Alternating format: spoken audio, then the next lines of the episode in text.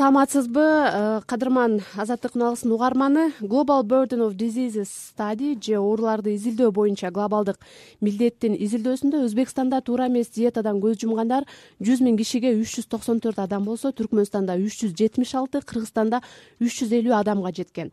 Алардан кийин күнүмдүк тамактанууда жашылча жемишти азыраак жеген адамдын өмүрүн кыскартчу зыяндуу азыктарга басым жасаган өлкөлөр катары украина молдова азербайжан тажикстан казакстан орусия көргөзүлдү эмнеге кыргызстандыктар саламаттыгына пайдалуу азыктанышпайт? Мунун кесепетинен кандай оорулар келип чыгат жана кантип алдын алыш керек деген суроолорго жооп алыш үчүн саламаттык сактоо министрлигинин коомдук саламаттык башкармалыгынын жетекчиси айнура ахматованы Э, кыргызстан айылдык ден соолук комитеттери ассоциациясынын аткаруучу директору венера токтогонованы жана бүткүл дүйнөлүк азык түлүк программасынын мектептердеги ысык тамакты уюштуруу боюнча баш кадиси жыпара эргешбаеваны студияга чакырганбыз. Кош келдиңиздер.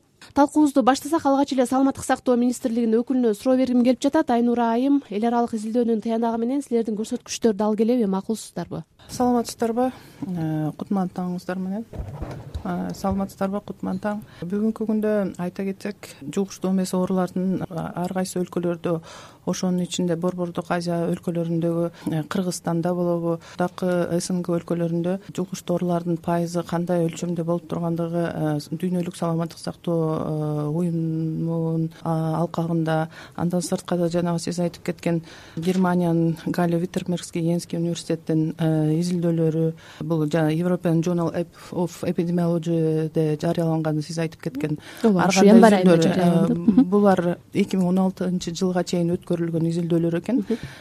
Мындай изилдөөлөр көп өткөзүлүп турат. Э, бул изилдөөлөр борбордук азия өлкөлөрүнүн ичинде өткөрүлгөн э, изилдөөлөрдүн ичинде кыргызстанда дагы кандай жугуштуу эмес оорулар ошонун ичинде туура эмес тамактануудан ошонун ичинде ар кандай жол кырсыктарынан травмалардан андан сырткары жугуштуу эмес оорулардын ар кандай э, факторлорунан канча калк жабыркаган канча калктын пайызы жабыркагандыгы өткөрүлгөн. Ошонун ичинде сиз айтып кеткендей бул жерде европа өлкөлөрүндө европа өлкөлөр өлкөлөрүндө дагы бул суроо изилдөөлөрү өткөн.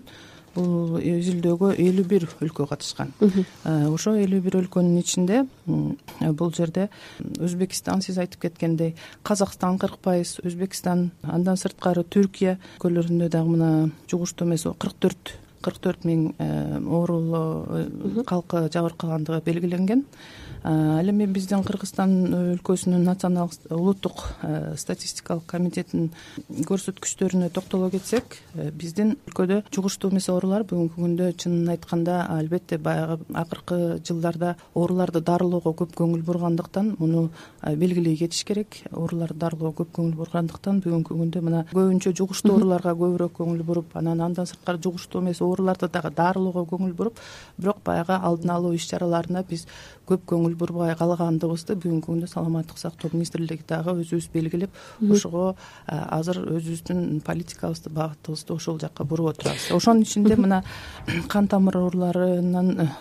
оорулардын структурасында кан тамырлуу оорулардан элүү эки бүтүн сегиз пайыз ээлейт ар кандай жол кырсыктарлардан травмалардан жабыркоо он бүтүн бир пайызды ээлейт рак ооруларынан ну рак оорулар эмес новообразование деп коебуз бул онкология.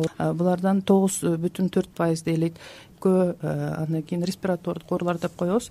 Булардан жети пайызды ээлейт бул ошо э, жугуштуу эмес оорулардан бүгүнкү күндө биздин улуттук э, комитеттин бул данныйлары да. Түшүнүктүү.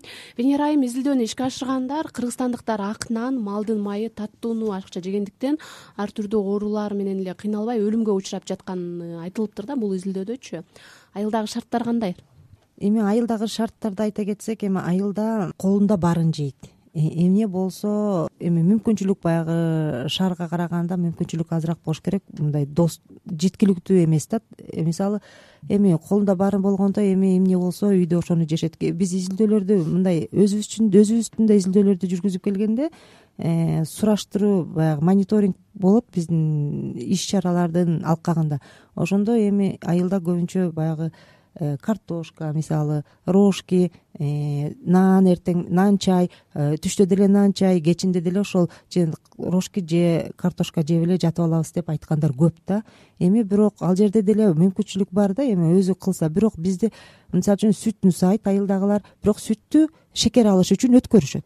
Эмне үчүн шекер алып балдарга шекер кылып чайына шекер салып беребиз дейт да. Эми ошо кант өзү э, зыян экенин э, ошо жеткириш керек болот да. Биз эми айнура айым айткандай ушу жугуштуу эмес оорулардын алдын алуунун э, негизги төрт фактору бар да. Бул төрт фактор бул деген тамеки тамеки анан физическая активность деп коебуз алкоголь и туура эмес тамактануу ошонун ичинен туура эмес тамактанууга көбүрөөк көңүл бөлүп атабыз да. Анткени туура эмес тамактанууда жана сиз айткандай эле май Э, кант туз анан транжиры деп коебуз да транс майлар ошолорду э, тамактануудан азайтыш керек же нормадан ашыкча колдонбош керек. Мисалы эми норма дегенибизде эми сахарды бир күндө биз он чай кашык он чай кашыктан ашык колдонбошубуз керек. А биз болсо ошолекини айылга элге э, жеткиликтүү кылып түшүндүрүшүбүз керек. А туздуу болсо биз деге мисалы үчүн Э, беш граммдан ашык колдонбошубуз керек. А транс май болсо бир эки граммдан ашык болбош керек да. А бирок биз андан ашык колдонуп атабыз. Ошон үчүн биздин ден соолугубузга көптөгөн залалдарды алып келип атат да. Аны болсо эл жакшы түшүнбөй жатат. Ошон үчүн биз жугуштуу эмес ооруларды алдын алуу боюнча иш аракет кылып атабыз. Ошонун негизинде биздин айылдык ден соолук комитеттер элге э, биз биз окуткан ушеки э, маалыматтарды жеткизип атышат азыркы убакта ушул транс майлар боюнча дагы дүйнөлүк саламаттык сактоо уюмунун кыргызстандагы өкүлү былтыр бизге интервью берип жатып айтты эле да транс майлар анан туз бул кыргызстандагы өтө чоң көйгөйлөрдүн бири экенин да изилдеп чыктык депчи.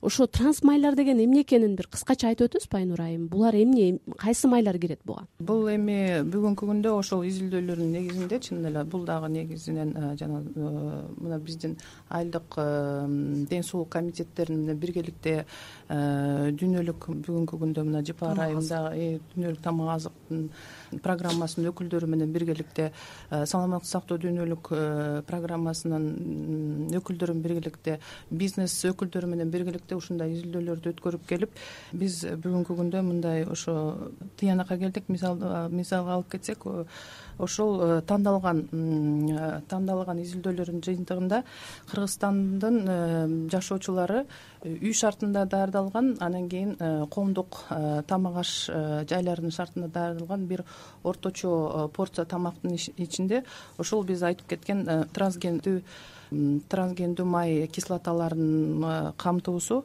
Э, анан кийин э, камтуусу жетимиш проценттен жетимиш проценттен жүз жетимиш процентке чейин э, өзүндө камтыйт экен дагы. Тузду болсо сексен тогуз сексен эки проценттен токсон тогуз процентке чейин биз нормадан ашык ошол тамак азыктар менен кошо өзүбүз колдонот экенбиз мунун баардыгы эмнеге алып келет? Мунун баардыгы бизде адамдын организмине ашыкча жанагы нормадан сырткары суткалык нормасынан сырткары шекер менен туздун организмге түшүп анын баардыгы адамдын организминде дененин массасынын көбөйүшүнө алып келет э, семирүүгө алып келет.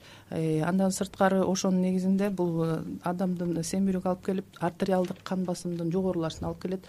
Артериалдык кан басымдын эмнеге алып келет? Анын баары биздин жүрөктүн жана кан тамырларынын ооруларына алып келет дагы.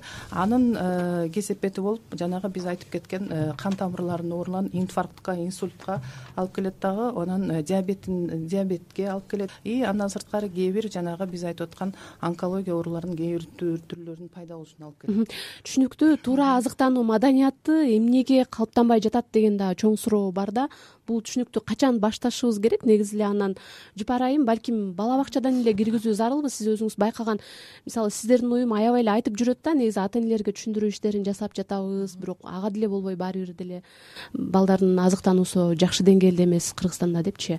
Негизи баладан башташ керек го бул буга мен толугу менен кошулам бирок андан дагы эрте буну башташ керек деп ойлойм. Себеби дегенде кыргызстанда бир топ программалар иштеп жатат э, башка донорлордун эсебинен болуп жаткан ал жерде айтып атат бала төрөлгөндөн баштап уже башташ керек экен да. Ушул туура тамактануу маданиятын ата энелерге да үйрөтүш керек и баланы дагы ушуга мүмкүн болушунча тарбиялап ушуну э, өнүктүрүш керек. Биздин программа бул мектептерде ысык тамак уюштуруу боюнча программа негизинен бул жети жаштан он жашка чейинки балдарды камтыйт. Бул биринчи төртүнчү класстын башталгыч мектептин курагындагы балдар. Азыр жыпар айым кечиресиз угарманыбыз байланышта экен. Суроону угуп алып анан улантсак угуп жатабыз сизди. Саламатсызбы? Саламатсыздар. Саламатсызбы. Угуп жатабыз айтыңыз сурооңузду. мындай да э, азыр бул бизде бул холестеринде эле майлуу тамакты жебегиле майлуу тамакты жебегиле дейт. Мисалы мен ушу кичинекей чагымда алтымышынчы жылдарда мисалы илгерки биздин ата бабалар мен өзүм деле өз көзүм менен көрүп калдым биздин айылда башкалар сууктап кеттик деп аш кемпирлер майдан туурап туурап анан жанагы чоң водовод деп коет бизде көлдө. Водоводко толтура майлуу кылып туруп ошондон жеп анан өх эс алып калдык дечи мен өзүм таятаман мен канча эт туурап бердим. Майлуусунан майлуусунан деп анан токсондон ашты эме жүздөн ашты менин чоң энем жүз бирден жүз экиге чыккан баарына тең мен эт туурап берчүмүн анан болгондо дагы майлуу зуу коюлуу эттин күчтүү болот бизде билесиңер. Тоңдо курчут анан мен түшүнбөйм да эмне эле азыркылар кичине май жесе эле ой туура эмес тамак дейт а биздин ошо ата бабалар майлуу анан килейген чоң водовод менен бирден сооп ичип алып биз деген эс алып калдык сууктап аттыгына раз жакшы болду дейт. Мен ушул кезге чейин түшүнбөйм да азыркылар эмнеге ошентип албайт а мурун эмне ошондой болгон. Анан азыр майлуу эт жебегиле дейсиңер алар наоборот майлуу эт жеп сууктап кеттик эми жакшы болду дечү да. Эми мен ошого түшүнбөйм да азыр рахмат. ким айнура айым балким сиз жооп бересиз буга? Албетте эми биздин угарманга суроосуна рахмат. Анан айтканына балким бир жагынан кошулуп кетем. Туура баягы биздин чоң аталар илгерки убакта майлуу тамак жегендер. Бирок ошол эт жеди эт жечү. Бирок ошол эт жеген менен бирдикте булар андан кийин айран иччү сүт иччү кымыз иччү э, сүт азыктарын белок азыктарын. Менен эмнени айткым келет? Анан андан сырткары булар деген э, ат минчү. Андан кийин э, бир күнү керелдин кечки кыймыл аракет менен алектенчү. Кирди колго жуучу атка минип кой бакчу анан эртеден кечке эле мына коrodон кирип чыгып корону шыпырчу. Бүгүнкү күндө бул дагы бир жанагы мен биз айтып кеткен жугуштуу эместүү оорулардын дагы бир фактор болуп эсептелген. Биздин гиподинамия э, кыймылсыз жашоо кыймылсыз жашоо кыймылсыз жашоо бул дагы ушул айтып кеткен жугуштуу эмес оорулардын эң негизги жанагы төрт биз айтып кеткен төрт фактор бар деп айтып кетпедиби? Э, венера айым айтып кеткендей ошол факторлордун бири. Биздин кыймылсыздыгыбыз э, ошол жеген ичкен тамагыбызды сиңирбегендигибиз андан сырткары биздин тамак аш азыктарыбыздын курамындагы. курамындагы э, э, микроэлементтердин жоктугу. Анткени бул эми дагы бир көп э, мамлекеттик деңгээлдеги бир өзүнчө дагы бир проблема биз ошону азыр ар кайсы министрликтердин арасында өкмөттүн ичинде ошол проблеманы жанагы сиздер угуп атасыздар стратегия. Рахмат. Кийинки суроо жыпар айым сиздин сөзүңүздү бөлүп койдук. Кечирип коюңуз. Ушул мектептерде э, мектеп жашындагы балдардын тамактануусундагы одоно сиз байкагандай кемчиликтер кайсылар болду негизи элечи өзү негизинен э, азыр венера айым айтып кеткендей э, үй бүлөдө көп жерлерде айрыкча айыл жеринде жана ошондой эле мындай социалдык жактан колдоого муктаж болгон үй бүлөлөрдө негизинен чай менен нан. Э, негизги ушул э, основной продукция болуп атат да. Ошого биз каршы айтып жатабыз что мектептеги ысык тамак балдар төрт сааттан алты саатка чейин мектепте болот. Ошол учурда эч кандайдыр бир э, ачкачылыкты сезбестен жок дегенде бир жолу ысык тамакка ээ болуш керек балдар. Ошондуктан бул программанын негизги бир максаты ушул билимге балдарыбыздын билимине ошондой эле ден соолугун жана азык зат коопсуздугу боюнча үч мындай таасир этүүчү нерсе да эми ушул жерде айтып кете турган нерсем э, биздин балдар азыр мектептерде ысык тамакка ээ болуп атышат. Түрдүү бир жүз кырк сегиз э, Э, рецептураны иштетип чыкканбыз. Биз э, саламаттык сактоо ошондой эле билим берүү министрлиги менен кошулуп ушу чогуу иштеп арзан жолдорубу бул тамак бул арзан. Ушуну айтып кетишим керек. Мамлекетибиз э, көп мамлекеттерге караганда салыштырмалуу. Биздин мамлекет жети сомдон он төрт сомго чейин бөлүп атат. Ар бир окуучуга бир күндүк тамак ашка. Биздин айта турган нерсе ушул ушул суммадагы акчага ысык тамак уюштурса болот. Бул практикада колдонуп жатат. Жана жөнөкөй эле тамак эмес. Бул деген Э, көп түрдүү ал жерде жашылча жемиштер эт э, ошондой эле сүт азыктарын кошуп рацион түзсө болот экен. Бул э, даана уже аныкталган нерсе.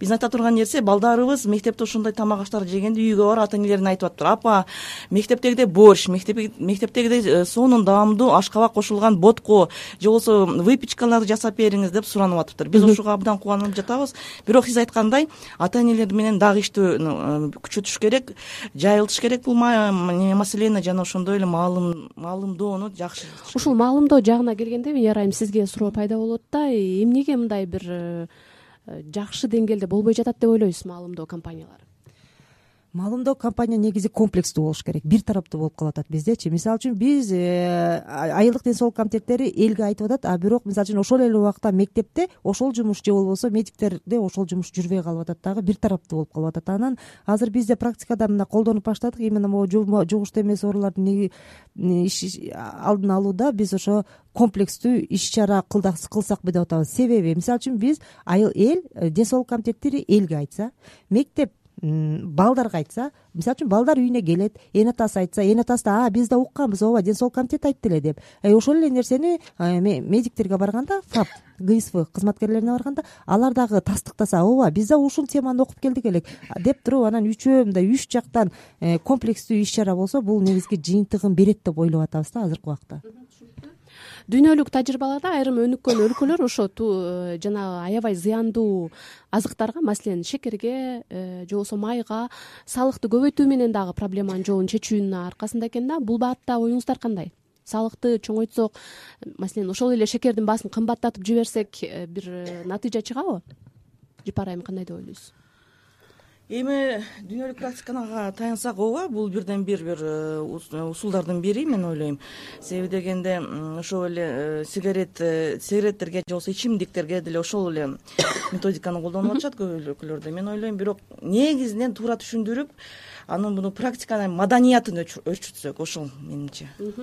Анан азыр айрыкча ошо кыргызстандагы эркектердин саламаттыгы аябай мындай оор акыбалда деген дагы адистердин сөздөрү бар да. Мисалы тукумсуздук аябай көбөйдү ашыкча салмак анан депчи.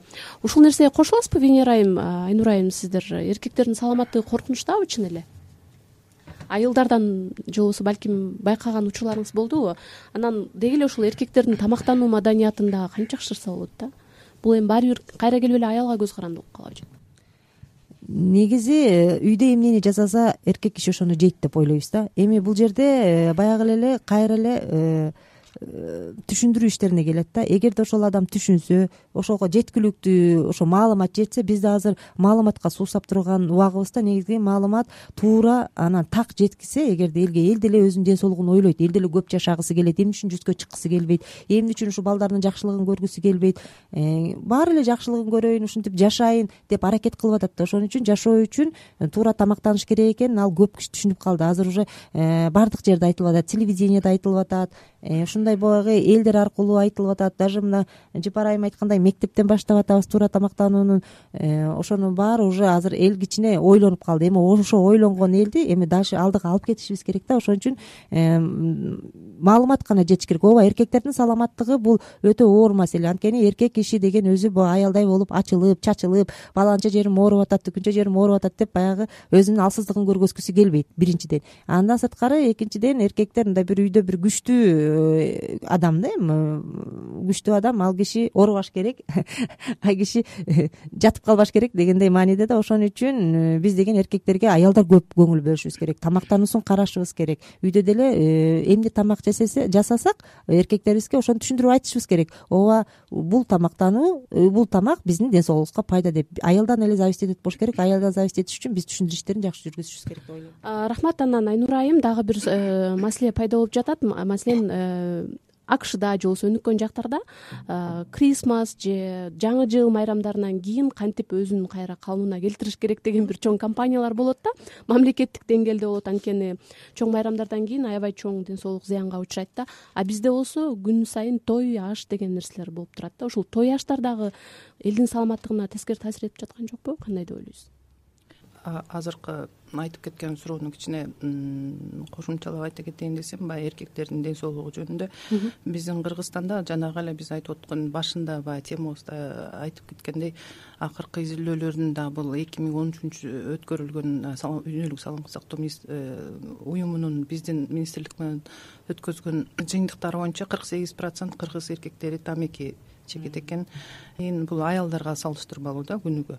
Андан сырткары баягы алкоголь ичимдиктерин колдонууга токтоло кетсек бул жерде дагы мына кырк төрт процент э, эркектер биздин кыргыз эркектер алкоголь ичимдиктерин э, ичүү менен алектенет экен. Ошон үчүн өмүрлөрү да кыска ошондуктан э, мына жана айтып атпайбызбы бизде кыргызстандагы эркек кишилердин өмүрүнүн узактыгы аял кишилердин өмүрүнүн узактыгына салыштырмалуу кыскараак болуп атат. Бүгүнкү күндө бул статистикалык опять талоолор боюнча аял эркек кишилердики алтымыш тогуз э, жаш жетимиш алтымыш тогуз даже жетимиш жашка жетпей калып атат да. Аял кишилердики жетимиш эки жашта болуп атат. Э, албетте буга дагы жанагы бирден бир биздин рационалдуу эмес баланс э, баланс балансы жок тамактануу бирден бир себептери болуп эсептелинет. Венера менен жапар айтып кеткендей албетте бул биздин кыргыздын салты сый урмат. Э, биз э, тас торкон менен сый урматыбызды көрсөтөбүз.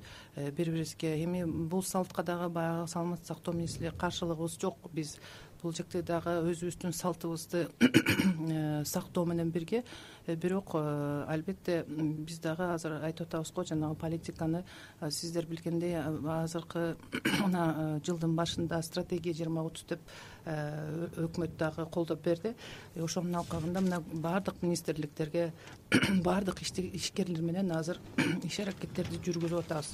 Многосекторалдуу подход кылып атабыз. Ушул э, тамак ашыбыз баланс рационалдуу болсун микроэлементтерге бай болсун деп анан албетте мына чоң информациялык кампанияларды өткөрүүнү пландаштырып атабыз э, ошонун алкагында баягы калкыбызды элибизди Э, той аштарды өткөзөлү. Бирок той аштарды калкыбыз элибиз бай болсун. Бирок ошол той аштарды өткөзгөндө көбүрөөк э, балким бийге көңүл буруп э, жанагы биз той аштарга барсак баарыбыз эле отуруп эле сөзсүз баягы биринчи тамак экинчи тамак анан үчүнчү тамак анан эт болуп атпайбы ошол жерде эт дагы түн ортосунда тартылат. түн ортосунда ошонун ортосунда жана айтып атабыз бүгүнкү күндө биздин жер жемиштерди күндө беш порциядан тогуз порцияга чейин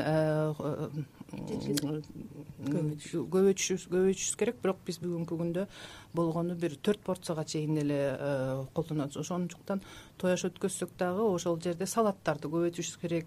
Мисалы үчүн анан албетте бул биздин деген чет өлкөдөн келген коноктор келсе дагы биздин менталитетибизди көрсөтүбүз керек. Бирок ошондо дагы ошол э, столдун үстүндөгү болгон тамак аш азыктардын э, башкача кооздоп салаттар менен мисалы үчүн сүт азыктары сүт азыктары менен белок болбосо өсүмдүк майлары менен жанагы жаңгак жер жемиштер менен көбүрөөк э, столубуздун үстүн жайнатсак бул дагы бизге баягы дагы бир туура тамактануунун бир шарты болот болуш керек. Э, чоң рахмат тилекке каршы биздин убактыбыз аягына чыгып калды.